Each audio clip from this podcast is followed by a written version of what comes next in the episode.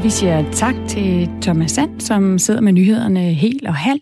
Øh, nu er klokken 5 minutter over syv, og du lytter til, til Radio 4 morgen. Øh, Kasper Harbo og mig, Stine Krohmann Dragsted, er her de næste to timer med øh, de vigtigste historier den her onsdag morgen. Her på programmet, der skal vi blandt andet øh, tale om det der med at smide tøjet. For i øh, DR Ultra-programmet Ultra smider tøjet, der står en række almindelige splitternøgne voksne foran et børnepublikum og fortæller om kroppen. I, øh, i lydklippet her, der er det en 4. klasse, der er inviteret med. Prøv at høre. Vi har en mand her på første række. Hvad siger du? Er I tilfredse med jeres hår? Emilie? Jeg er meget tilfreds med mit hår på kroppen. Det er også derfor, jeg ligesom har lavet det gro, kan man sige. Det er jo fordi, jeg synes, det var bedre med, end det var uden. Det er altså en 4. klasses elev her, der spørger en, en splitterhavn nøgen kvinde, hvordan hun har det med det, det hår, hun har på kroppen. Den slags børnetv, den er både, det er både vulgært og fordærvende. Det mener Dansk Folkepartis gruppeformand Peter Skåb. Han har rettet kritik mod programmet, og derfor så spørger vi ham med klokken Ja, lidt senere. Om en halv time? Om en halv time. Øh, hvorfor han egentlig mener, at det er problematisk at vise børn nøgne voksne kroppe. Det er en diskussion. En anden diskussion er, hvor mange penge man skal have for at være landsholdsspiller i fodbold. Det er sådan, at Norge og Australien og Brasilien har vedtaget, at øh, der er lige løn mellem deres øh, herre fodboldlandshold og deres kvindefodboldlandshold. Det har vi ikke i Danmark. Og det mener Socialdemokraternes ligestillingsordfører Lars Asland skal ændres. Det er også en diskussion, og den skal vi til om øh, cirka 10 minutter. De historier, vi kaster op i luften her, dem kommer vi altså til at gå i dybden med, og husk, at du er velkommen til at være med til at diskutere det. For eksempel, om vi skal have ligeløn imellem de to landshold. Skriv en sms. Du kan også skrive ind, det er der rigtig mange af jer, der allerede har gjort, om øh, elbiler, om vi skal have flere af dem. Øh, hvad I siger til de forslag, der er kommet fra Elbilkommissionen. Vi fortsætter debatten med enhedslisten. Det gør vi øh, cirka kvart i otte.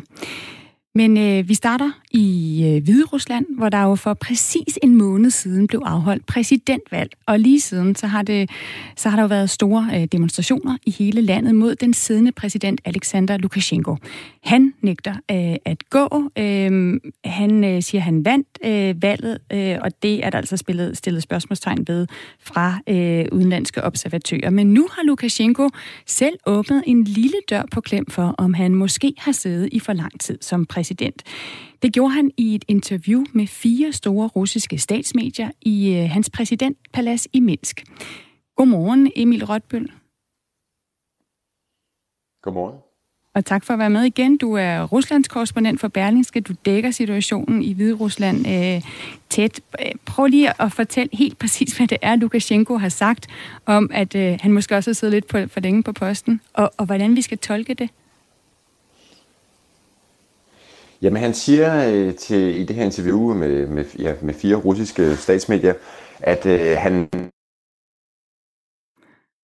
Det lød som om, vi måske mistede forbindelsen til øh, Emil Rotbøl i Rusland.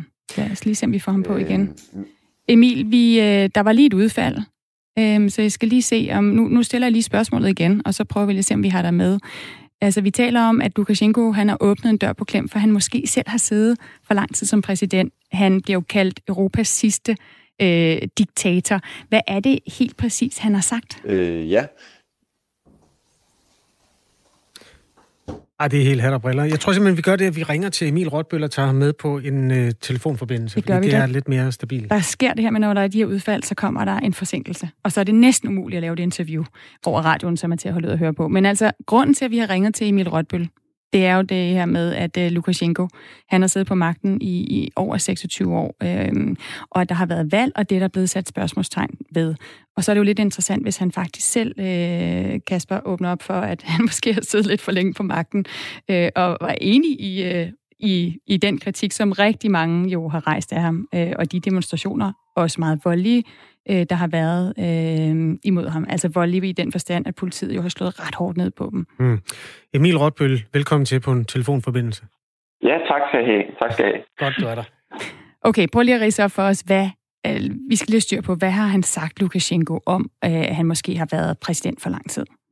Jamen, han, har, han sagde, at han måske har overset sin, øh, sin tid, og det måske er på tide, at, øh, at, øh, at der kommer nogle andre til. Men, men i samme åndedrag, så sagde han, øh, lige nu er det kun mig, der kan, der kan redde Hvide Rusland. Øh, ellers så vil, de, øh, så, vil, så vil landet ligesom øh, falde fra hinanden, og så vil de rive mine øh, tilhængere fra hinanden.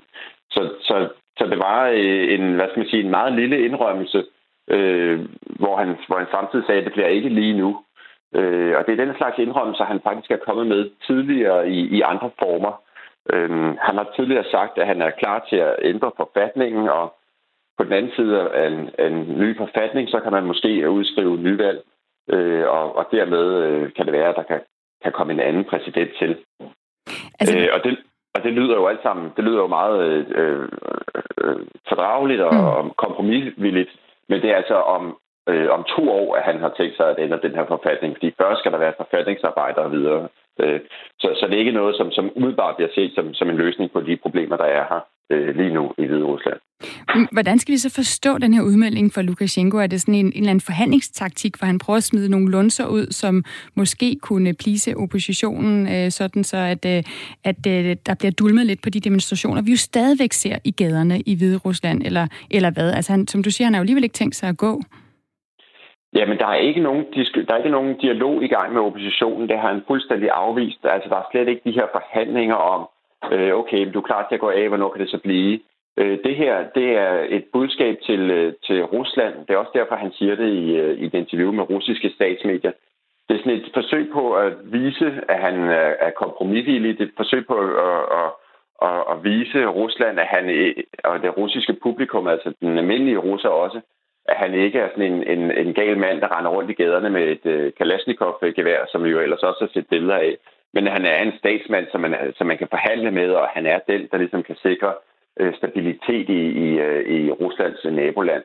Uh, så det er helt klart vendt til, mod et, et russisk publikum, det her. Det er ikke noget, man skal, man skal ikke tro, at han er på vej til at gå af, eller han er på vej til at komme med kæmpe store indrømmelser. Det, det er mere af, af, af det samme, som vi har hørt ham sige tidligere. Og nogle af dem, han så ikke vil komme med indrømmelser, eller, eller indrømmelser til, eller, eller forhandle med, det er jo så blandt andet de her øh, tre kvinder, som har tegnet oppositionen øh, det, det sidste stykke tid efter valget, øh, øh, efter at de, de mandlige oppositionsledere i, i Hvide Rusland jo er, er blevet sat i, i fængsel. Og i går, der kunne du jo så fortælle, at den sidste af de her tre kvinder, der stadig befinder sig i Hvide Rusland, Maria øh, Kolesnikova, at hun øh, var blevet kidnappet. Og først så sagde Hvide Russisk Stats TV, at hun selv havde forladt landet. I går kom der så en dramatisk udvikling. Hvad, hvad ved vi at nu om, hvad der er sket med Maria Kalesnikova? Ja, det er, en ret, øh, det er en ret vild historie. Vi ved nu, at hun er anholdt i Hvide Rusland. Men det, der skete øh, natten til øh, tirsdag på grænsen til Ukraine, det var, at de prøvede at tvinge hende og, og to andre af hendes øh, medarbejdere, hendes stabsmedhjælpere, ind i en bil øh, på grænsen til Ukraine. Øh, på det her, der er sådan en neutralt stribe land mellem øh, Ukraine og Hviderusland, øh, mellem den ene grænsepost og den anden. Og her, på det her neutrale stykke land, har de prøvet at presse dem ind i en bil øh, og, og, og tvinge dem over mod den ukrainske side.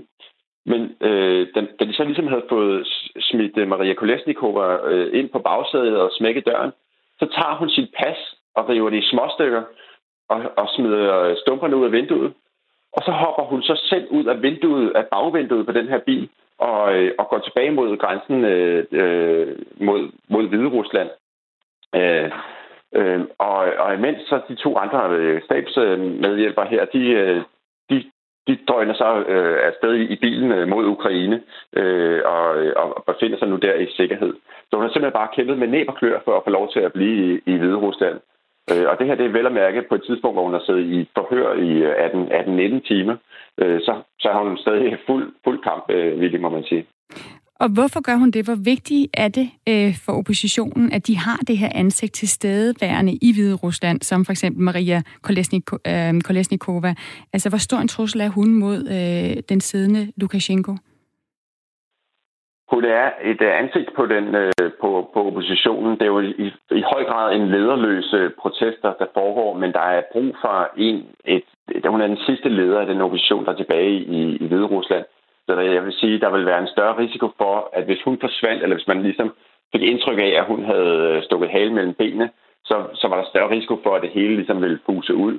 Øh, så, så derfor ser hun det som enormt symbolsk vigtigt også, at hun, at hun bliver i landet, men også praktisk vigtigt, sådan, så der rent faktisk er nogen at, at føre dialog med i, i Hvide Rusland. Tak, øh, Emil Rotbøl, for at øh, lige give os en opdatering på den her rimelig dramatiske udvikling, både med hvad der er sket med Maria Kalesnikova, og altså også øh, hvorfor Alexander Lukashenko melder ud på russisk tv, at han måske har siddet lidt for længe, selvom han bestemt ikke har tænkt sig at gå af. Altså Emil Rotbøl, som er Ruslands, øh, Ruslands korrespondent for, for Berlingske. Ja, klokken den er kvart over syv den her morgen, 9. i 9. 2020.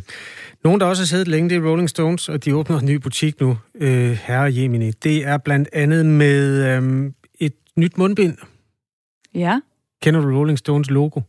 Ja, men, og det skal så på mundbindet? Ja, altså ja. beskriv det lige. Altså, det er et stort øh, øre? Nej, det er en stor, ja. varmel tunge. Og det tunge? Ja. Ej, jeg bytter lige om på... Ja. så hvis altså, alle boomerne, som elsker Rolling Stones, de kan nu øh, de følgende måneder komme til at gå rundt med et mundbind med en tunge på. Det, ja, det kan jeg også godt se på et mundbind. Er der slet ikke nogen, der har fundet på den før? Øh, ikke lige Rolling Stones-udgaven, men selvfølgelig okay. findes der mode mundbind inden for alle former for ja. merchandise. Jeg så øh, på færgen forleden dag en meget, meget stor, øh, flot mand, som gik med Liverpool-mundbind. Og øh, det der mundbind, som reklamerede, han, han er formentlig fan af Liverpool FC. Det er fint nok, men det var bare ikke stort nok. Og det betød, at hans øh, også lidt store næse, den bare stak ud over det der mundbind. Det er det, det, det det, der er med den der mundbindsmode. Det, det er rent faktisk, man glemmer nogle gange det medicinske udstyr, man har med at gøre. Og det, jeg synes, der er så underligt, det er, at vores ansigter, som vi er vant til at se på, de kan godt pludselig komme til at se helt øh, nøgne ud. Det er forkert sagt, men altså, hvis mundbindet sådan falder ned om næsen, så er det lidt ligesom hvis bukserne er faldet lidt ned om numsen. altså lige pludselig kan det føles helt underligt, at folk har dem hængende ned om næsen. Altså så ser næserne sådan lidt, øh, ja, øh, lidt mærkeligt ud. Sådan yeah. kan jeg godt have det, og det er jo mærkeligt, fordi normalt ser man jo bare på folks ansigter. Jeg ved ikke, om det er bare mig, der er mærkelig med det, men jeg synes, det virker lidt som underbukserne, der hænger lidt for langt nede. Jamen, det gør det i medicinsk forstand i hvert fald også. Ja. Altså, mundbind er også et næsebind, ellers så nytter det jo ikke noget. Ja. Klokken den er 7.17, øh, så fik vi rundet den øh, modtendens. Når øh, landsholdsspillere repræsenterer deres land, så bliver de jo kompenseret med et øh, honorar. Altså, øh, der bliver spillet landskamp i aftes, for eksempel på herrelandsholdet. I lande som Norge og New Zealand og Brasilien, der har man valgt, at mænd og kvinder skal have det samme for at spille en øh, landskamp. Men i Danmark, der får mændene væsentligt mere for at leve på banen, end kvinderne gør. Og det er der utilfredshed med flere steder. Blandt andet hos Socialdemokratiet, hvor Lars Aslan Rasmussen er ligestillingsordfører. Godmorgen. Godmorgen. Hvorfor synes du, at mænd og kvinde, kvinder bør have det samme øh, honorar? Det synes jeg generelt. Jeg synes, det er enormt vigtigt med, med ligeløn øh, at vise, at man er lige meget værd. Og jeg synes særligt, det er det, når man repræsenterer øh, vores land øh, netop og spiller på, på, på det danske landshold. Og det er jo også noget, som, som andre lande godt kan finde ud af, så det burde vi også. Det er et kommersielt produkt, øh, fodbold, nu om stunder, og baggrunden er jo, at mændene tjener flere penge ind end kvinderne. Der er generelt højere lønninger i, øh, i mændenes branche, fordi der er flere tilskuere til det. Betyder det ikke noget for din, øh, dit syn på den sag? Nej, det gør det sådan set ikke. Øh, jeg synes, det er enormt vigtigt, at, øh, at vi gør meget mere øh, for ligeløn i Danmark, og, og jeg er med på, at der er noget kommersielt over landsholdet, men det er jo også i den grad noget, der har med Danmark som, som land at gøre, og som også har noget at gøre med, med, med os som stat, og som vi også, også støtter. Så jeg synes, man er forpligtet til at tage det her meget alvorligt og, og kigge på, på lønforskellen inden for, for DBU, og det håber jeg også, man vil gøre. Lad os lige kigge lidt på dem for at finde ud af, hvad vi snakker om her. Altså, det er nogle aftaler, der er bestemt mellem Dansk Boldspil Union og Spillerforeningen, som er fagforening for fodboldspillerne. Det mest sammenlignelige punkt, det er øhm, andelen af billetindtægterne, fordi spillerne får simpelthen en andel af øh, den indtægt, som kommer fra billetterne. En testkamp på hjemmebane, det er det, der hedder venskabskamp i gamle dage. Øhm, herrerne, de får 1 krone og 12 øre for hver solgt billet. Kvinderne får 50 øre for hver solgt billet. Hvor, hvorfor er det urimeligt, Lars Aslan Rasmussen? Fordi øh, mænd og kvinder øh, er, er lige meget værd, og så må de jo kigge på, om, om herrene får for meget løn. Jeg, jeg ved ikke, hvad, hvordan de selv vil, vil, vil gøre det øh, bedre. Jeg tror ikke, der er nogen mandlige fodboldspillere, der, der lider øh, nogen øh, nød. Altså mange af dem er jo, hvis ikke alle sammen, er, er multimillionære. Øh, så, så jeg synes, det ville være meget enkelt at sige, at man får det, man får det samme. Øh, og når Norge kan finde ud af det, øh, Brasilien, øh, andre lande, som vi sammenligner os med, øh, jeg ved, man også er ved at gøre det i England, mm. ja, så burde man selvfølgelig også kunne finde ud af det i Danmark, som jo normalt bryster sig meget af, af ligestilling. Men ved du hvad, tilskuerne kan heller ikke finde ud af det. De synes heller ikke, at mænd og kvinder er lige meget værd. Øhm, billetpriserne er meget forskellige. Billetterne til, øhm, hvis vi nu tager kvindernes EM-kvalifikationskamp, som blev spillet øhm, mod Georgien, der kom 3.000 øh, tilskuere i Viborg. Billetpriserne øh, startede på 30 kroner. Mændenes priser, de starter på et par hundrede, og alligevel kommer der langt flere der. Anerkender du, at der er en forskel i efterspørgselen? Ja, fuldstændig, men øh, det er ikke lang tid siden kvinderne spillede EM, hvor der faktisk var fuld hus øh, i Holland, så selvfølgelig kan man promovere det. Det er ikke for mig ikke, det handler om kun, hvor mange øh, der kommer. Altså, øh, der er jo masser af penge øh, i, øh, i fodbold øh, til mændene i forvejen. Mange af dem spiller i, i klubber, hvor de får et tocifret øh, millionbeløb øh, om måneden. Så der er ikke nogen af dem, der, der lider nød. Jeg synes, det er vigtigt, øh, at man kigger på ligestilling. Jeg synes, det er vigtigt, ikke kun hos DBU, men, men alle mulige andre steder. Der halter det desværre nogle steder i Danmark. Men hvis ikke landsholdet kan finde ud af at give mænd og kvinder det samme, altså hvem, hvem skulle så? Så er det jo ret svært, når, der, når vi snakker om nogen, der er forbilleder for os andre, at få almindelige øh, små og mellemstore virksomheder til også at gøre det, hvor der også er nogle problemer i forhold til, hvad mænd øh, og kvinder tjener sig.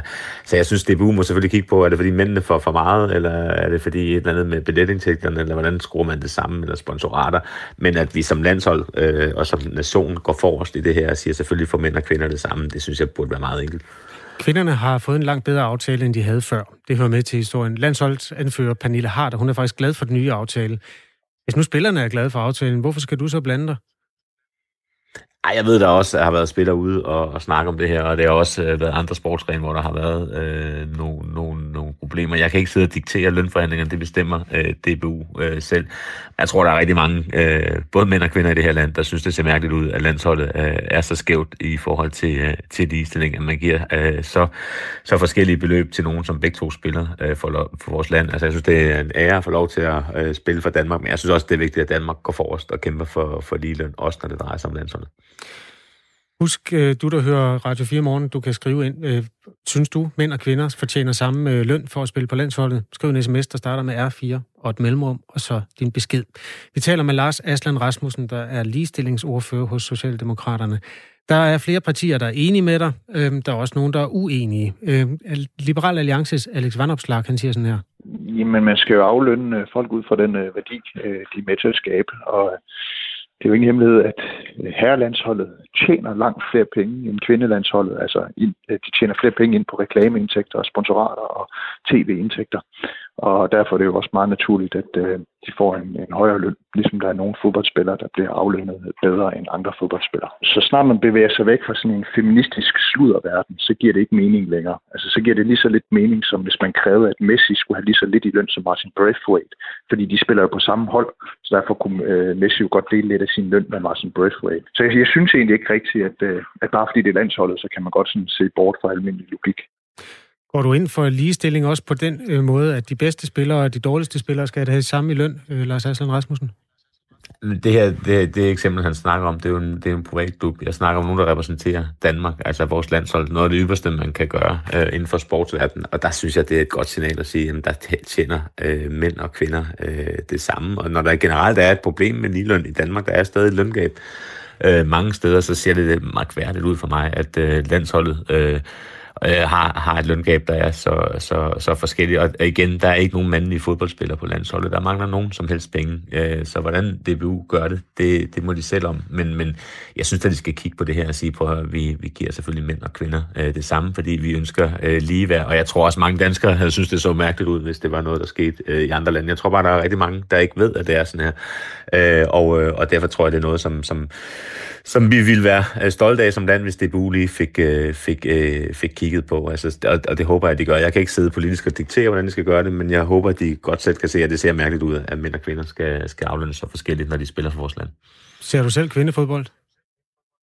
Ja, jeg fulgte meget med, der, der, da de spillede her, øh, da de spillede i Holland og spillede øh, EM-turneringen, jeg ser det også, hvis det, hvis det er, jeg ser også øh, herrefodbold, men det handler jo ikke om min som politiker personlige refer- øh, præferencer, det handler jo grundlæggende om, at, øh, at jeg ønsker øh, ligestilling i det her land, uanset hvor meget jeg ser kvinde- eller, eller herrefodbold, så synes jeg, det er rimeligt, at når man repræsenterer Danmark, jamen så får man det samme som mand eller kvinde. Men det er jo også historien om, hvor udbredt er kendskabet for eksempel til det her. Øh, altså, der er jo simpelthen ikke lige så meget... Hvis nu jeg nævner to spillere, så skal du nævne... Jeg siger... Øh, Nadia Nadim og Pernille Harder. Så skal du nævne de to næste. Dem, jeg kender ikke øh, specielt mange øh, på, på, på det kvindelige landshold, men, men, men det, er jo ikke, det, er jo ikke, det, er jo, det er jo ikke det, det handler om. Det handler om, at man skal tjene det samme, når man spiller øh, på landsholdet, og det er et problem, og jeg tror også mange, øh, vi, vi plejer at bryste os meget af ligestilling, og vi vil jo, og vi vil jo også kigge mærkeligt på, øh, det er jo normalt sådan noget lande, vi kender fra Mellemøsten, vi vil kritisere, hvor, øh, hvor kvinder ikke, øh, enten ikke er på arbejdsmarkedet, eller bliver holdt nede på en eller anden måde, og der ser det bare, ser det bare dumt ud, at, øh, at, at mænd og kvinder, der spiller på det her landshold, tjener øh, så, øh, så forskelligt. Øh, og man kan sige, at man får i hvert fald ikke flere til at interessere sig for fodbold, når man aflønner det øh, så skævt. Så sender DBU jo også, synes jeg, et signal om, at, at kvindefodbold er mindre vigtigt. Det er jo en afspejling af, hvordan det foregår i klubberne. Øh, altså, der er også et privat marked, som det her er et spejl af. Hvor, hvor meget skal man regulere det, efter din mening? Nej, men for mig er det jo ikke 100% privat. Det er jo i den grad noget, vi også har noget at gøre med som, øh, som, som, øh, som land på, på, på rigtig mange øh, forskellige måder med at facilitere øh, DBU med, øh, med, med, med forskellige ting. Det er, vores, det er vores landshold, vi snakker om. Øh, det er jo ikke et fuldstændig privat foretagende, og derfor synes jeg, man skal, at det, at det er færre at kigge på. Jeg synes også, DBU, altså jeg, jeg håber også, at de selv kan se, at det, det ser mærkeligt ud, og det tror jeg også rigtig mange øh, kvinder i det her land øh, kan se, og håber, forhåbentlig også øh, mænd øh, for den sags skyld. Og igen, altså, der er ikke nogen mandlige fodboldspillere, der, der, der mangler noget, øh, som spiller på landsholdet. Så hvis det er fordi, de synes, at mændene får en for høj løn, så må de jo prøve at se, om de kan sætte øh, det her ned. Øh, jeg kan ikke diktere igen, hvad de gør, men jeg håber, at de godt selv kan se, at det er skævt, at, øh, at, øh, at sende et, et mærkeligt signal. Og jeg synes igen, det sender også et mærkeligt signal om, at jeg synes ikke, DBU tager kvindefodbold lige så alvorligt, hvis det er, man, man, man lønner dem øh, så dårligt. Så viser man jo også, at man, man ikke prioriterer det. Vi skal tale med DBU senere, hvor fodbolddirektøren hedder Peter Møller, tidligere øh, fodboldspiller. Øhm, Stine, er der noget sms, vi skal have ind? Ja, der er et spørgsmål, Lars Asland, øh, fra en lytter, der spørger, Danmark har mange landshold. Skal alle have ligeløn? Øh, volleyball, undervands, rugby? Øh, vil, du, øh, vil du sørge for, at der kommer ligeløn for, for alle kvinde landshold i Danmark? Jamen, nu, altså jeg, jeg skal ikke sidde og blande mig i overenskomster. Det er noget, arbejdsmarkedsparter øh, bestemmer. Jeg kan sige som, som, som politiker, hvad jeg synes, der er rigtigt, og som ligestillingsordfører. Og ja, jeg synes, dem, der repræsenterer Danmark, der synes jeg, det ville se øh, rigtig godt ud, at, øh, at man får lige løn. Jeg tror, inden for håndbold, tror jeg også, der er mange danskere, der kan nævne øh, lige så mange, hvis ikke flere kvindelige håndboldspillere, de kan nævne øh, mandlige, og, og det betyder ikke, at, at man af den grund, og der har været meget, altså at man af den grund skal, skal sætte, skal sætte, skal, skal, skal have, altså skal mænd have, have mindre. Altså, øh, der har været lange perioder, hvor kvindelandsholdet var langt bedre og havde flere seere. Altså, jeg synes, det ser, godt, det ser bedst ud, at man har øh, ligeløn mellem mænd og kvinder, når man repræsenterer øh, Danmark, som jo normalt bryster sig af ligestilling. Damebold er en underskudsforretning, og derfor lavere løn, står der i en anden sms. Altså, det er jo et faktum, det er en underskudsforretning, øh, Lars Aslan. Betyder det slet ikke noget for din, øh, dit syn på, hvor, hvor mange penge, der skal bruges på det? Øh, jo, det betyder noget for, for, hvor mange penge, der skal bruges på det. Det synes jeg er helt rimeligt. Det må man diskutere, hvad for nogle turneringer skal man være med i, hvordan reklamerer man og sådan noget. Men jeg synes, at mænd og kvinder, øh, der repræsenterer Danmark, øh, skal, skal, skal lønnes øh, på, på samme måde og skal have det samme honorar. Og igen, øh, der er ikke nogen mandlige øh, fodboldspillere, der, der lider noget. Det er der ikke så mange øh, kvinder, øh, der, der gør. Så derfor er det øh, rent symbolsk og vigtigt at bare sige, at vi aflønner øh, mænd og kvinder øh, lige, når de repræsenterer det her land, og vi går som, som DBU forrest i forhold til, øh, til ligeløn. Altså det er jo lidt sådan aparte, at man godt kan knæle øh, i forhold til racisme i parken, rent symbolsk, men man kan ikke finde ud af at aflønne øh, folk på samme måde. Symbolpolitik kaldte du det selv, Lars Asland. Tak skal du have. Selv tak. Ligestillingsordfører hos Socialdemokraterne. Der er kommet et spørgsmål på sms'en om det her med ligeløn. Rolf han skriver, er herrerne gået ned i løn, eller er kvinderne steget i de andre lande? Og øh, der ved vi i hvert fald, at øh, når det gælder Norge og Finland, så er det mændene, der er gået ned i løn, for altså at skabe lige løn mellem øh, kvinder og herrelandshold. Det er en et, et argument, man hører før, at øh, herrene mangler ikke noget. Og det tror jeg altså virkelig heller ikke, der er ret mange fodboldspillere, der gør. Men omvendt er der jo heller ikke ret mange, der til en lønforhandling har sagt, at de gerne vil have mindre i løn. Derfor er det... Øh, det altså, det er også svært at bebrejde dem, at de ikke sådan helt frivilligt har øh, kastet deres penge øh, over til øh, damerne. Vi kan måske lige nå en sidste sms på det her. Dan han skriver, at jeg er enig i, at øh, mænd og kvinder bør sidestilles i forhold til andelen af eksempelvis billetindtægterne. Men vi kan jo ikke øh, give øh, ligeløn, hvis kvindefodbold ikke genererer samme slags indtægter. Der bliver jo ikke solgt flere billetter til kvindefodbold, end der gør til herrefodbold, bare fordi man ligestiller andelen af billetindtægten. Lige muligheder, det er nok det reelle scenarie. Det skriver Dan altså. Det behøver sådan set ikke være den sidste sms, men det kan være den sidste, vi når inden nyhederne, fordi klokken den slår halv otte om lidt. Synspunkter omkring øh, herre- og damelandshold og aflønningen af øh, spillerne på dem, må du meget gerne skrive i en sms, der starter med R4 og et mellemrum og din besked, og så send den herind ved at sende den til 1424. Klokken er halv otte.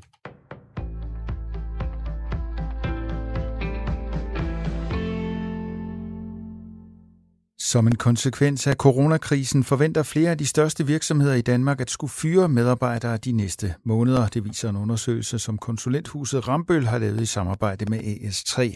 Undersøgelsen er lavet blandt 1000 af landets største virksomheder. I undersøgelsen svarer 40 procent af virksomhederne med over 500 ansatte, at de forventer at skulle reducere antallet af danske medarbejdere i løbet af andet halvår 2020. Svaret bliver vurderet til at være relativt alvorligt af Finn Lund Andersen, der er direktør hos konsulenthuset AS3. Man må sige, at, at den krise, vi har set på arbejdsmarkedet i øh, første halvår på grund af corona, den øh, fortsætter også i anden halvår, når de, og det er de allerstørste danske virksomheder, øh, siger, at øh, de forventer at reducere antallet også i øh, det kommende halvår. I første halvår var coronakrisen stærkt medvirkende til, at antallet af personer, som meldte sig ledige, steg med ca. 50.000 fra 9. marts til 30. juni. Den stigende ledighed hang blandt andet sammen med afskedigelser blandt de største virksomheder i Danmark. Den tendens ser altså ud til at fortsætte. Ifølge undersøgelsen er det først og fremmest timelønnede medarbejdere, som de store virksomheder regner med at skulle sige farvel til. 44 procent af de største virksomheder med over 500 ansatte forventer således at reducere antallet af timelønnede i anden halvdel af 2020. Sandsynligheden for, at det snart vil lykkes at udvikle en vaccine, der kan beskytte folk mod det nye coronavirus, er blevet mindre, efter at et forsøg med en lovende covid-19-vaccine er sat på pause i den afsluttende fase. Det sker som følge af uforklarlig sygdom hos en forsøgsperson i Storbritannien. Det oplyser en talsmand for medicinalselskabet AstraZeneca, der udvikler vaccinekandidaten i samarbejde med Oxford University. En rutinemæssig gennemgang af data udløste et stop af vaccineforsøgene for at kontrollere sikkerheden. Der er ingen oplysninger om patientens konkrete bivirkninger. Personen ventes dog at komme sig, oplyser en person med kendskab til sagen over for online-mediet statnews.com. Den mulige vaccine fra AstraZeneca er en af godt en håndfuld, som er kommet frem til de afsluttende fase 3-forsøg. Fra mandag den 14. september vil det over hele England blive forbudt at samle sig i grupper på mere end seks personer i forbindelse med sociale arrangementer. Det er en skærpelse i forhold til det aktuelle forsamlingsforbud på 30 personer, skriver nyhedsbruget Reuters. Det meddeler den britiske premierminister Boris Johnson. Stramningen kommer efter en stigning i de daglige tilfælde af nye coronasmittetilfælde. Forbuddet gælder både inden- og uddørs og omfatter private boliger, parker, popper og restauranter ifølge nyhedsbruget DPA. USA's præsident Donald Trump vil tynde yderligere ud i antallet af udstationerede amerikanske soldater i Irak og Afghanistan. Det oplyser en person fra Trumps administration. Trump vil senere i dag annoncere en reduktion i antallet af amerikanske soldater i Irak. Senere på ugen vil det blive fuldt op af en melding om at trække flere soldater hjem fra Afghanistan. Trump har tidligere lovet vælgerne, at han vil afslutte USA's endeløse krige i Irak har USA omkring 5.200 soldater tilbage, som blev indsat for at bekæmpe den militante bevægelse Islamisk Stat. I Afghanistan er der omkring 8.600 amerikanske soldater. Det bliver blæsende og skydevejr. Efterhånden kommer der lidt regn, først i de vestlige egne og i eftermiddag i de østlige egne. I løbet af dagen klarer det lidt op fra nordvest. Temperaturer mellem 15 og 20 grader, og vinden bliver jævnt til hård fra sydvest og vest, med kysterne stedvis cooling. I aften endnu regn på Bornholm, ellers nogen sol og enkelte byer. I nat spredte byer og delvist klart vejr. Nattetemperaturer ned mellem 10 og 15 grader.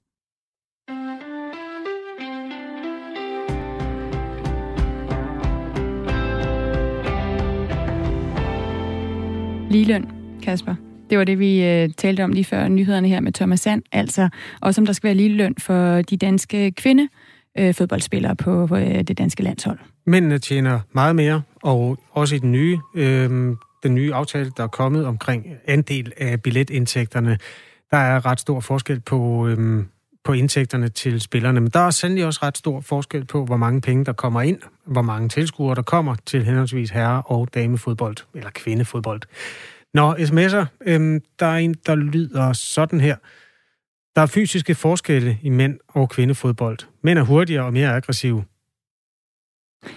Så er der en, der skriver, kan man ikke bare droppe det honorar og lade dem aflønne afhængig af tilskuerindtægter? Så tror jeg i hvert fald, der vil være forskel på, på kvinder og mænd. Men, øh, Det er jo faktisk noget af det, man allerede gør. Kvinderne får omkring 50 øre per solgt billet i, i bonus. Altså hvis du er spiller på kvindehold, så får du omkring 50 øre.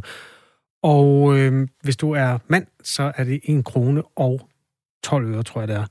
Og det gør jo en kæmpe forskel, om du så har spiller i parken, hvor der er 30.000 tilskuere, så har man jo allerede 30.000 kroner godt og vel, kan man regne ud, som mand betragtet. Eller man som kvinde spiller på et øh, Viborg stadion, hvor der kommer 3.000, som der gjorde til kampen mod Georgien. Det giver jo 1.500. Det er, ja, det, det er løn i en anden størrelsesorden, og det er den diskussion, som er åbnet nu. men, men det med også diskussioner om, hvor man spiller de her kampe henne, vel så? Ja, ja, der kan ikke være 30.000 på Viborg stadion, men altså 30.000 til en kvindekamp mod Georgien, det, er, det vil også være første gang, tror jeg. Ja. Så. Det, okay, det er lidt anderledes. Jeg har ikke fulgt så meget med, hverken i mande- eller kvindefodbold et stykke tid i Danmark. I USA har kvindefodboldlandsholdet jo været dem, der ligesom har sparket røv, hvis vi skal sige det på den måde, de sidste par år. Og det er også dem, som man simpelthen, er, altså, når der har været kampe, så har folk stået ude på gaderne og set det på storskærmene. Så de har i hvert fald trukket tilskuere. Ja, det, er, det kan jeg faktisk godt huske. Det, det, de har haft en helt anden stjernestatus. Også øh, altså internationalt har de jo haft øh, en helt anden bevågenhed. Og hvad, hvad var det, hendes stjerne hed? Hed hun Kelly eller andet? Renoki. Renoki? Ja. Ja. Eller det siger du nu forkert. Nu, kan jeg faktisk, nu bliver jeg i tvivl. Det slår vi lige op. Ja, okay. Som også, øh, hun skifter jo, ja, hun har ikke skiftet navn, hun skifter i hvert fald hårfarve rimelig ofte. Ja, Ja. Det, i det hele taget er det jo... Ja, de er mere fantasifuldt i deres måde at style sig på. Men masser af sms'er. Bliv ved med at skrive ind til os på 1424. Start jeres besked med, øh, med R4. Øhm, fordi øh, der kunne også godt være nogle af jer, der havde øh, noget at sige om, om det her. Lad os lige høre et lydklip. Vi har en mand her på første række. Hvad siger du? Er I tilfredse med jeres hår? Emilie? Jeg er meget tilfreds med mit hår på kroppen. Det er også derfor, jeg ligesom har lavet det gro, kan man sige. Det er jo fordi, jeg synes, det var bedre med, end det var uden. Ja, drengen, du hører, der spørger her, han går i 4. klasse, og kvinden, der svarer, hun står splitter nøgen foran ham og foran resten af hans øh, klasse. Og det er jo det, der er konceptet i DR Ultras Ultra Smid og Tøjet. Det er lavet for, at de 9-14-årige kan lære om den nøgne voksenkrop. Godmorgen, Peter Skorp, Godmorgen. gruppeformand for Dansk Folkeparti. På Facebook, der kalder du det her program for ekstremt, og du skriver, citat, lad nu børn være børn, citat slut. Hvad er det, du frygter, der sker, når børn ser nøgne voksne kroppe? Jamen altså, øh, jeg synes jo, børn skal have lov til at være børn, som sagt. Og, og jeg selv far, jeg ved, hvordan unge mennesker og børn bliver eksponeret for rigtig meget i dag. Vi har sociale medier, vi har øh, YouTube, som øh, børn sidder og kigger meget på. Og øh, der skal vi passe på ikke at, at fylde vores børn med tanker om seksualitet alt for tidligt. Og de har jo sådan et, et tag på deres program, øh, Danmarks Radio Ultra her, øh, hvor der står øh, syv år. Det vil sige, men øh, at det er egnet for børn ned til syv år. Og det synes jeg er alt for tidligt. Peter Skåb, man lige starte spørge, med- ser du det her som et, et, et, et seksualitetsprogram? Ja, det synes jeg hurtigt, det kan komme over i, fordi man ser jo altså mænds tissemænd og så videre, så videre, og, og jeg får jo de tanker, når jeg ser øh, de forskellige reklameudsendelser, der er for det, og også øh, ser øh, nogle af programmerne. Altså det, det, det er ikke det, jeg vil have, at øh, børn på syv år skal kunne se.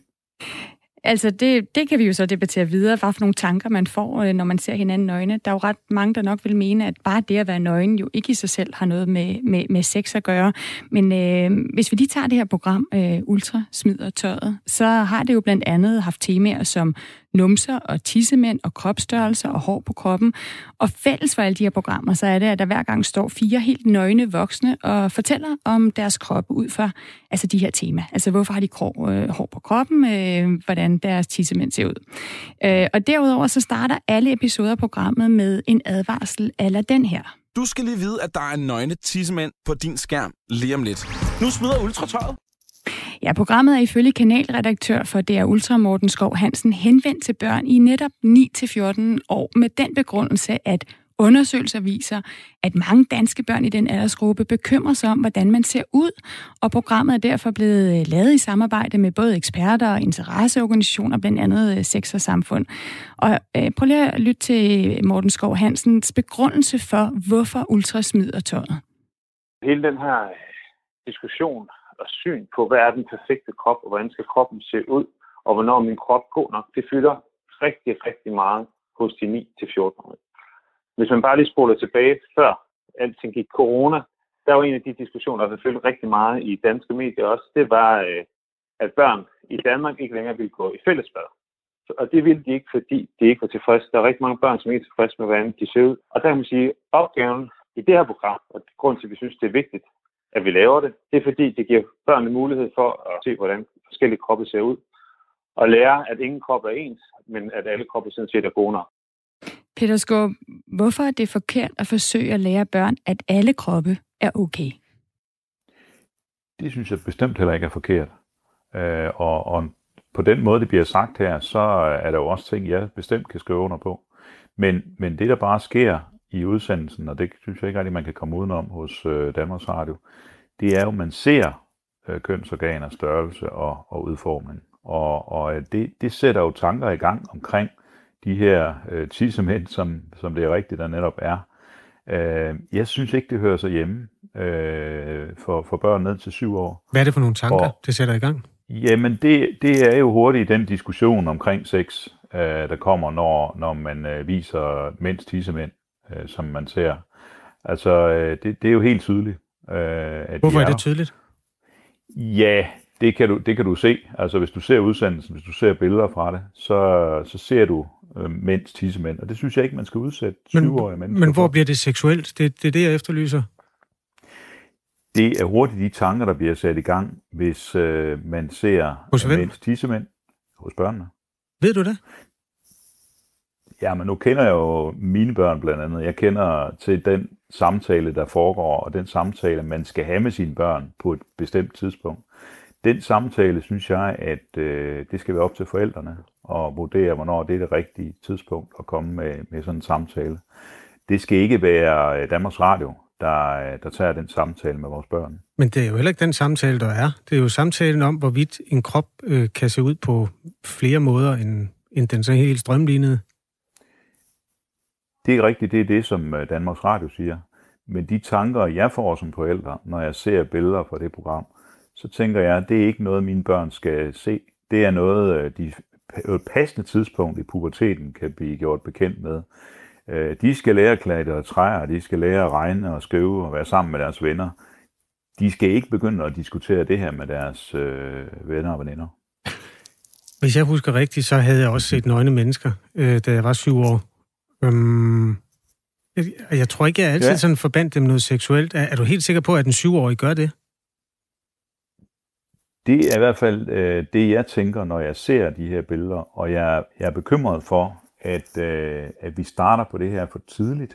Men Peter Skåb, du er jo ikke den syv år. Danmarks Radio, nej, men jeg, øh, Danmarks Radio har den intention, som de har med det, de gør. Det, det, det anerkender jeg fuldstændig. Øh, de vil gerne gøre tingene på en bestemt måde, men der kan vi andre jo godt som forældre sige, hov, her passer man altså lidt mere på, på den måde, man præsenterer tingene. Prøv, prøv, lige at forklare, har... prøv lige at forklare, hvad det er for en negativ effekt, du tror, det har for et syvårigt barn, for eksempel, øh, at, at, at se en, en nøgen krop. Og igen, det her program handler jo ikke om seksualitet. Det handler om, at vi ser forskellige ud. At det sænker, sætter tanker i gang hos børn om deres, deres seksualitet. Når altså syv- eller niårige børn kommer til at tænke på sex, når de ser en nøgen krop? Jeg, jeg tænker øh, bare, altså, er det det, dine børn du tænker, når, når du går ud og ind af, af, af badet om morgenen? Mm, jeg skal lige sige til dig, at du har jo ringet mig op for at høre min mening. Og, og det er ligesom om, øh, det, det, det er ikke noget, du spørger om, det er noget, du, du sådan afbryder på hele tiden, ikke? Jamen, jeg har, jeg har hørt, øh, hvad, hedder det, hvad du siger om, om DR. Nu prøver jeg at spørge ind til, hvad du konkret mener, det har en negativ effekt øh, for børn, og hvor du ved fra, at et syvårigt barn forbinder det med noget seksuelt at se en nøgenkrop. Det ved jeg fra de samtaler, jeg har med børn. Altså, det kommer op i forskellige afskygninger. Og øh, når så der kører en film hen over tv, hvor, øh, voksne ikke har tøj på, øh, det kan jo godt ske i, i forbindelse med noget, man viser børn, ja, så prøver forældrene måske lige at spole væk for det, eller stoppe øh, det pågældende indslag. Det kan også være et, et øh, nyhedsprogram. Og der er det altså vigtigt, at, øh, at Danmarks Radio i et børneprogram for børn helt ned til syv år præsenterer tingene øh, med, med nøgne tissemænd og sådan noget. Det kan de tidsnok se. Det synes jeg ikke, man behøver at, at komme frem med på det tidspunkt. Peter Skåb, betyder det, at, øh, at du synes, vi skal sørge for, at der ikke er nøgne kroppe, øh, som børn øh, fra 7 til 14 år kan se, fordi de kan forbinde det med noget seksuelt? Det tror jeg ikke, vi kan øh, sørge for. Øh, børn er i dag på deres smartphones, iPads, og de kører rundt alle mulige steder, så det kan være meget, meget svært for voksne at styre, hvad deres børn laver, hvis de ikke engang kan lade deres børn se DR Ultra, uden at skal være bekymret. Og det er jo det, der er kernen her. Vi, vi har Danmarks Radio, som bliver betalt hen over licensen, øh, som øh, vi skal være sikre på ikke kommer med noget, som øh, i hvert fald sådan godkendt af Danmarks Radio, øh, sætter de her tanker i gang. Og det er derfor, jeg reagerer. Vi kan ikke styre, hvad der kommer i øvrigt på YouTube af forskellige videoer. Der skal vi som forældre kunne rådgive bedst muligt. Men Danmarks Radio, der har vi trods alt en intention om, at her kan man godt være som barn. Det kan man åbenbart heller ikke. Det, øh, du vender meget tilbage til vendingen, at det sætter tankerne i gang. Altså det er nogle tanker, som, som vokser frem, når man ser, i det her tilfælde, en tissemand. Øhm, jeg skal bare forstå, om altså, kan, man, kan man godt regulere det, hvilke tanker man sætter i gang med det, man sender? Hvis det, man sender, er, hvad skal man sige, stuerent? Nej, det kan man ikke øh, regulere, men det er klart, hvis man lærer børn om kønsorganers størrelse og udformning, og det er, det, det er jo det, der kommer til at ske her i den her udsendelse, det, det fortæller de jo også selv om. Ja, så øh, lærer børn jo om, øh, om deres kønsorganer øh, som voksne. Og det synes jeg ikke, det hører sig hjemme, som sagt. Og, og det, det kan vi godt holde væk fra børnene. Du har også nævnt det her med, at, øh, at forældrene ligesom selv skal kunne styre, og du som forældre selv skal kunne styre, hvad, hvad børn ser. Det er ikke deres opgave. Prøv lige at høre, hvad, hvad øhm, øh, Morten Skov siger til det. Der vil være nogen, der ser det sammen med nogle, deres forældre, og der er også nogen, der ser det alene, hvis de, hvis de mere har lyst til det. Og der kan man sige, uanset hvad, hvis der ikke var det her tilbud for DR, så kunne ungerne set også bare vælge at gå ind og google sig, eller gå ind på verdens sociale medier, og så få et indblik i, hvordan er det kroppen ser ud der. Og det kan man sige, det er jo klart noget af det, vi også har sagt. Det er derfor, der ligger en opgave for os. Fordi når vi går ind i det her, så går vi ind i det med et stærkt fagligt belæg. Vi har samarbejdet med rigtig mange forskellige interesseorganisationer på det her. Og vi går også ind i det med indsigt i forhold til målgruppen. Og hvad er det for nogle vigtige spørgsmål, der fylder hos dem. Peter Skåb, øh, hvorfor er det ikke bedre, at børn får mulighed for at, at lære om nøgne kroppe gennem et program, som, som har rådført sig med eksperter, som hviler på målgruppeundersøgelser, end at børn selv går på YouTube, som du også nævner, hvor, hvor vi ikke kan regulere, hvad de ser? Det er da bestemt også bedre, at øh, Danmarks Radio præsenterer nogle programmer, som fortæller om nogle af de her ting, øh, så børn ikke ser det på YouTube. Det er jeg fuldstændig enig i. Der, hvor jeg bare står af, det er, at vi skal se mænds tissemænd, altså fuld størrelse, fire-fem mænd, der står på en række. Det er der ingen grund til. Og det er her, kæden hopper af for Danmarks Radio. Det øh, mener altså Peter Skåb. Tak for at dele øh, det syn på, øh, på Ultra-programmet, øh, som altså som hedder Ultrasmid og tøjet, øh, og som henvender sig til øh, de 9-14-årige øh, øh, danske børn. Altså Peter Skåb, gruppeformand for Dansk Folkeparti. Der er sms'er på den her, for at sige det mildt. Øhm, mm, mm, mm. Kan børn ikke bare møde deres forældre på vej i bad? Det er naturligt det program er kunstigt overgreb af børn, hvor vi ikke ved, hvor parat børnet er. Jeg vil have hadet det som barn, og have følt det som et overgreb, skriver Iben. Øhm, ja. Man skal... Hvor ved I fra, at de ikke tænker seksuelt, altså børnene? Hvis børn er 100% ubevidste om sammenhængen, vil de vel ikke fnise, når de så det? Står der i en anden sms. Ja, der står også... Øh Hvorfor skal det være voksne nøgnekropper, ikke alene børns forskellighed, der vises? Der er ingen grund til... Har du lige læst, den op? Nej, nej, når det har jeg ikke. på haven- Jeg ser bare forskrækket ud. Tanken om et børneprogram til, fuld af at, nøgne børn. Ja, der er ingen grund til, at... Øh, nu, nu forsvandt den lige, nu skal jeg lige se, om jeg kan finde den. Men altså, pointen var, at der er ingen grund til at eksponere børn for voksne nøgne kroppe, hvis man kan vise øh, nøgne børn. Jeg kan fortælle en, lille anekdote. Øh, det, det gør du lige om lidt, fordi okay. Vi tager lige sms'erne først. Mia, hun skriver, enig, det er ikke øh, Danmarks Radio, der skal vise øh, nøgne kroppe for børn. Forældre kan tage børnene med på en nudiststrand, hvis de vil vise dem frem. Det er forældrenes ansvar at opdrage børn, også om, hvor ofte de skal se nøgne kroppe. Og Kirsten fra Nordjylland skriver, hold da op, øh, Peter Skåb, du lyder jo grangivligt som en rabiat imam. I Danmark har vi gennem år bearbejdet blodfærdighed for at fremme frihed, kropsfrihed.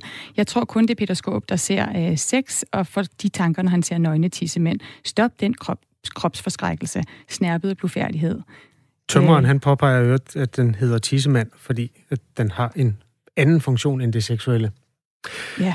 Godt øh, anekdote. Jamen, jamen, det vil jeg bare lige vil sige om det her med nøgne børn. Hvad, hvad hedder det? I, øh, I USA, der havde øh, DR, som jeg også har arbejdet for, et stykke tid hængende en plakat uden for deres kontor, som ligesom reklamerede for Danmark, Sverige og Norge, som vi sad på samme kontor med, havde også plakater. På den danske plan var der, plakat var der et barn, der løb rundt nede ved en strand, øh, som man så sådan fra siden. Barnet var nøgen. Og det, øh, den plakat blev vi simpelthen nødt til at fjerne på et tidspunkt, fordi der var så mange amerikanske gæster, der kom ind øh, og skulle interviewe, som fandt det meget, meget stødende med en nøgen barnekrop. Bare lige for at sige, der er også nogen, der, føl- der, der finder nøgne børnekrop stødende. Åh, oh, den er svær, den der, med de nøgne børn. Jeg er ret vild med Willumsen, maleren Willumsen. Øhm, og der er et, et af hans fineste værker, det er, jeg tror, det er malet op ved, ved Skagen, øhm, hvor, hvor en flok nøgne børn, de er på vej ud. Og det er simpelthen det mest, øh, altså, useksuelle. Ja. ja, det er dansk sommer, og det er, det er uskyldigt, og der er noget styrke, og der er noget sådan virkelig øh, skulpturelt i de der børnekroppe, hvor der ikke er antydning af noget beskidt i det. Mm. Men skal, skal det også pilles ned? Det ved jeg ikke, men spørgsmålet er lige nu, om du kan lægge det på Facebook. Der må man jo ikke lægge nøgne billeder af børn op. Så, øh, Nej, det får jeg lyst til at gøre. du kan, det kan vi prøve. Ja. Se, hvad der sker. Det er et eksperiment. Den tager vi. Klokken er 7.52, og øh, altså mange tak, fordi I skriver ind til Radio 4 morgen. Det er den måde, som man kan holde øh, diskussionerne i k på, og også øh, få malet hele vejen rundt i forhold til synspunkterne. Man øh, tager telefonen frem og starter med R4 og et mellemrum, og sender den til 1424. Nu er klokken 8 minutter i 8. Det koster næsten 6 milliarder, hvis man vil have en million grønne biler ud på de danske veje om 10 år. Øhm, Det er nogle udregninger, som er lavet af en kommission, men de møder også kritik, fordi de fremstiller det her problem som større, end det måske i virkeligheden er. Det er en kompliceret historie, det her. Det handler om øh, klima, og det er derfor, vi skal tale med Maj Villassen, der er klimaordfører hos Enhedslisten. Godmorgen. Godmorgen. Altså, øh, det her, det, vi kommer til alle forudsætningerne, men det, der ligger klar nu, mm. det er du klar til at smide, smide ud. Hvorfor? Altså, jeg synes jo, Bilkommissionen har tænkt mange kloge tanker. Der er rigtig mange gode takter i det, de har foreslået. Men lige præcis beregningen, som blev plastret ud over diverse medier i mandags, at det ville koste samfundet 5,7 milliarder kroner, det mener jeg simpelthen er forkert. Det er hokus pokus tal, og dem kan vi ikke bruge i de forhandlinger. Forhandlingerne, det er jo, øh, der er blevet talt meget om elbiler. Det er der jo også her i Radio 4 morgen. Og prisen på 5,7 milliarder kroner, som bliver prisen på den her omstilling, den er udregnet ved at sige, at det samfundsøkonomiske tab ved at udlede et ton CO2, det er 363 kroner. Øhm, så er det Klimarådet og Tænketanken Kraka mener, at det samfundsøkonomiske tab er 1.500 kroner for at udlede et øh, ton CO2. Mindre teknisk, så betyder det, at den samlede pris på de der små 6 milliarder vil være langt mindre, hvis man havde brugt de tal, som flere kilder øh, mener er retvisende. Det er ret kompliceret. Hvad, hvad er det, du, du påpeger som det egentlige problem i rapporten og udregningen? Jamen, problemet er, at så snart man, øh, man laver udregninger i, øh, i Danmark, så, øh, så kommer de ind i Finansministeriets såkaldte regnemodeller. Og der regner man på, øh, hvad det koster for samfundet med luftforurening, med støj, med trafikulykker. Øhm, og det er jo nogle af de ting, man sådan nogenlunde godt kan regne på. Du kan godt sige, øh, hvor mange ulykker har vi i gennemsnit, hvad koster det at få lappet folk sammen på hospitalet osv. Men der er også en masse ting, som øh, de regner med, har en værdi, som man ikke nødvendigvis øh, kan sige øh, har en værdi i kroner og øre. Det er udledning af CO2 og partikler. Det er herlighedsværdien af det at have en bil. Det får simpelthen også et beløb ind i den her regnemodel. Øh, og, og, og det synes jeg jo er, fu- er fuldstændig jamen, svære tal at regne med, fiktive tal, som så, så ender ud med et beløb, der hedder 5,7 milliarder. Så meget mm. vil det koste øh, samfundsøkonomien. Og jeg, og jeg synes, at det vil klæde os bedre at tage en politisk diskussion ud fra, hvor mange kroner og øre det vil koste, frem for at sidde og beregne med alle mulige tal, hvor man i vores naboland regner med et helt andet udgangspunkt.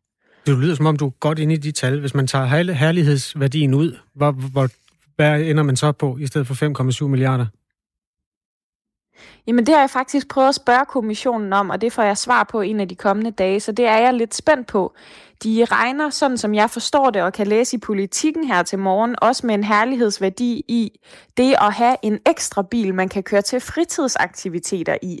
Og det mm. synes jeg jo er helt på måden for at være ærlig, fordi det, det, det her er en klimaøvelse.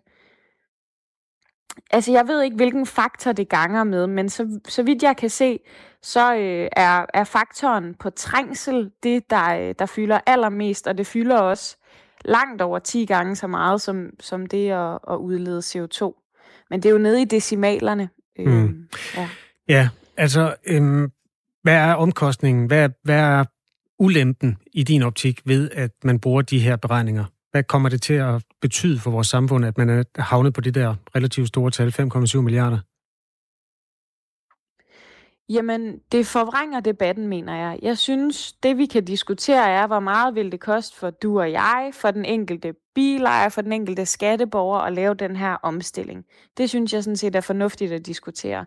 Vi kan også godt snakke om de samfundsøkonomiske øh, konsekvenser, men, men tallet blev nærmest fremstillet den anden dag, som om, at det var det, det ville koste for statskassen. Og det er ikke rigtigt. Øh, Bilkommissionen har lavet en model, som faktisk giver plus i statskassen, i hvert fald i den ene af modellerne. Så, så det er ikke 5,7 milliarder, det vil koste. Og det tror jeg, at der var rigtig mange, der gik rundt og tænkte, og så tænkte, Nå, men så kan vi jo ikke få bedre ældrepleje, eller minimumsummeringer i børnehaven, eller, eller hvad delen folk går og drømmer om. Og det er, jo, det er jo problematisk, synes jeg. Og så synes jeg, øh, og har ment længe, ikke bare på klimaområdet, at vi har en, en regnemodel, et regnemodels tyranni i Finansministeriet i Danmark, øh, som vi bør gøre op med, øh, fordi det, det dikterer rigtig mange politiske diskussioner i Danmark. Det er måske i nogens optik okay, at man har et estimat over, hvad tingene koster. At du så er uenig i, for, i forudsætningerne er jo en ting, men synes du, man skal gå helt væk fra at regne på fremtidige udgifter? Nej, jeg tror sådan set, som du også siger, at det er ret fornuftigt øh, på nogle punkter at regne på, hvad, øh, hvad, hvad betyder X, Y og Z, men når vi har en regnemodel eller en regnemaskine i Danmark, som eksempelvis siger, at det betyder intet for arbejdsudbuddet, hvis man lukkede alle børnehaver. Altså, øh, hvis alle pædagoger gik hjem nu, øh, døren blev lukket til børnehaven, så vil alle mennesker kunne arbejde lige så meget. Fordi den faktor er for eksempel ikke en del af regnemodellen. Okay, det, det bliver meget what about det her. ikke passer. Nej, okay. okay. Ja, øh, lad os lige blive... Præcis, det er lige præcis Ja, men det er lige præcis det, regnemodellen er. Altså, når de regner en herlighedsværdi ind, som mm. er noget fuldstændig fiktivt, at det at have en bil, så er problemet jo det, at, at, at hvad, hvad, hvilke faktorer ligger overhovedet bag de her beregninger. Lad os lige tage en hurtig sms, Maja Villadsen, øh, som er kommet fra vores lytter, der hedder Mik. Han skriver, 6 milliarder er jo ingenting, når man tænker på, hvad der ellers postes ud af penge til Jamen altså, for eksempel fejlslagen opkrævning af mm. ejendomsskat osv. osv. Altså 6 milliarder, det er vel ikke mange penge i et land som Danmark, er det det? Nej, det synes jeg jo sådan set heller ikke. Det kommer an på, her under corona øh, har vi jo postet milliarder ud. Det er jo så ikke varige udgifter, det, det er penge nu og her up front. Så, øh, så altså man kan sige, når, når finansministeren siger, at vi har øh, 1,5 milliarder at handle for eller forhandle om i finansloven, så er 6 milliarder jo trods alt noget. Øh, men, men jeg synes da, at jeres lytter Mik har fuldstændig ret i, at, at det er øh, småt i det store billede. Det sagde Maja Villersen, der er klimaordfører hos Enhedslisten. Tak fordi du var med i Radio 4 morgen. Selv tak. Kommissionsformand Anders Eldrup fortæller til Dagbladet Information, at han vil ikke øh, tage stilling til den konkrete kritik her. Han henviser til, at kommissionen, som sagt, har brugt Finansministeriets regnebog. Det er jo så også den, der bliver øh, stillet sådan, øh, aktuelle spørgsmål til her. Øhm, nu kommer der lige et citat fra Anders Eldrup. Han siger, man kan godt argumentere for nogle andre tal, men det er sådan, Finansministeriet regner det ud. Hvis du vil have det nærmere begrundet, skal du snakke med Finansministeriet, siger han altså til Dagbladet Information.